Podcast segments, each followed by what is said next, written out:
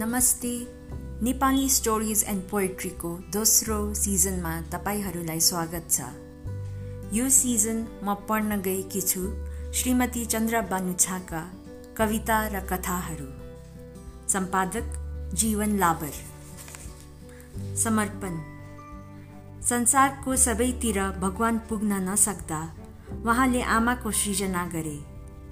यही ममतामय आमा बन्ने अवसर मलाई मेरी छोरीले दि कस्तै अप्ठ्यारो परिस्थितिमा पनि कस्तै कण्टकमय जीवन गोरेटोमा पनि हताशिएर निराश बन्दा पनि जिउने सहारा दि जिउन सिकाई मेरो जीवनको हरेक क्षेत्रमा प्रेरणाको स्रोत बन्ने मेरी छोरी श्रद्धाञ्जलीलाई यो मेरो प्रथम प्रयास बेहद मायासित समर्पित गर्दछु।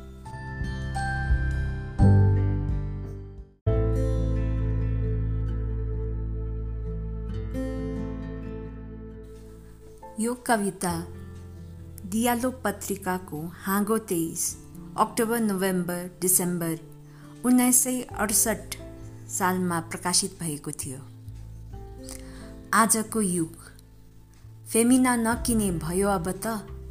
यो पिच रोडको मुटुभरि नै फेसनका जिउँदा विज्ञापनहरू हेर्न पाइन्छ सित्तैमा। हजमको खाँचो परेन अब। रिबन नलाए पनि युवकहरू केश त पाल्ने नै यस्तै। गिटार बोकी बिटल्स बन्ने। डायट घट्यो महँगीले होइन। मिनी स्कर्टमा फिट हुनलाई। उसलाई पनि मनपर्छ अरे एक्ट्रेसकै फिजिक। रेस्टुरेन्टको चिल्लो टेबलमाथि विस्कीको चुस्की लिँदै अर्केस्ट्राको धुनमा हातेमालो गर्ने आत्मा बारको बोतल खनाउने हात प्रशंसा गर्ने आँखा र कानहरू हो। अतीत रुँदैछ। भविष्य खिसी गर्दै हाँसिरहेछ।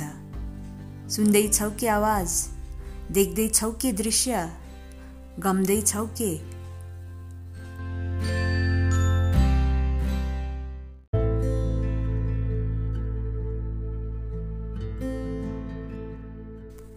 यो कविता नवज्योतिमा नोभेम्बर उन्नाइस सय अडसठमा प्रकाशित भएको थियो।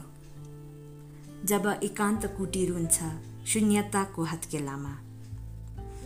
एकान्त कुटी बिरान क्षणमा रुन्छ कहिले काहीँ। अनेकौँ पल्ट झर्न खोज्छ सपना पनि आँसु बनी चिमोट्न लाग्छ शून्यता एक्लासी कुटीको भित्ता फोरी। आकाश चियाउँछ नियास्रो आँखाले बादलको पर्खाल तोडी। नाङ्गा रुखहरू थाकेका हुन्छन्। वसन्तलाई पर्खी पर्खी। एकान्त कुटी रुन लाग्छ। साँझ चिप्लेको देखि। साँझ हाँस्छ। रात रुन्छ। खसाउँदै आँसु हिमाल पकाली। रातले पखाल्न लागेको कुटी बाँच्छ। शून्यता नै समाति सङ्गमर्मरको बादल खस्छ। क्षितिजमा कुहिरो बनी। हिक्का सुनि कुटीको होला। खसेको सहानुभूति बोकी। बाँधी सबकोमा सहानुभूति आउँछ बतास हुलाकी बनी? निरव कुटीको छाना उगाडी भाग्छ कानमा सुटुक्क भनी। शून्य व्योम स्थिर पर्वत उभिएका कठोर डाँडा हेरी। लाग्छ बतास क्षितिजको अन्तरिक्षमा अल्झे पाइतला उचाली। एकान्त कुटीको छैन मन्दिर न घन्टीको बोली न गुम्बजको लामा पुस्तक धर्म न उसको पुजारी। मन्दिर मस्जिद गुम्बज र देउता मनभित्रै साँची। रुन्छ कुटी सन्नाटा चिरी पत्थरलाई रुवाउन खोजी। जब एकान्त कुटी रुन्छ शून्यताको हत्केला चुमी। पहाडका चट्टानहरू अलिकति रुन्छन् बेसीमा आँसु खसाली।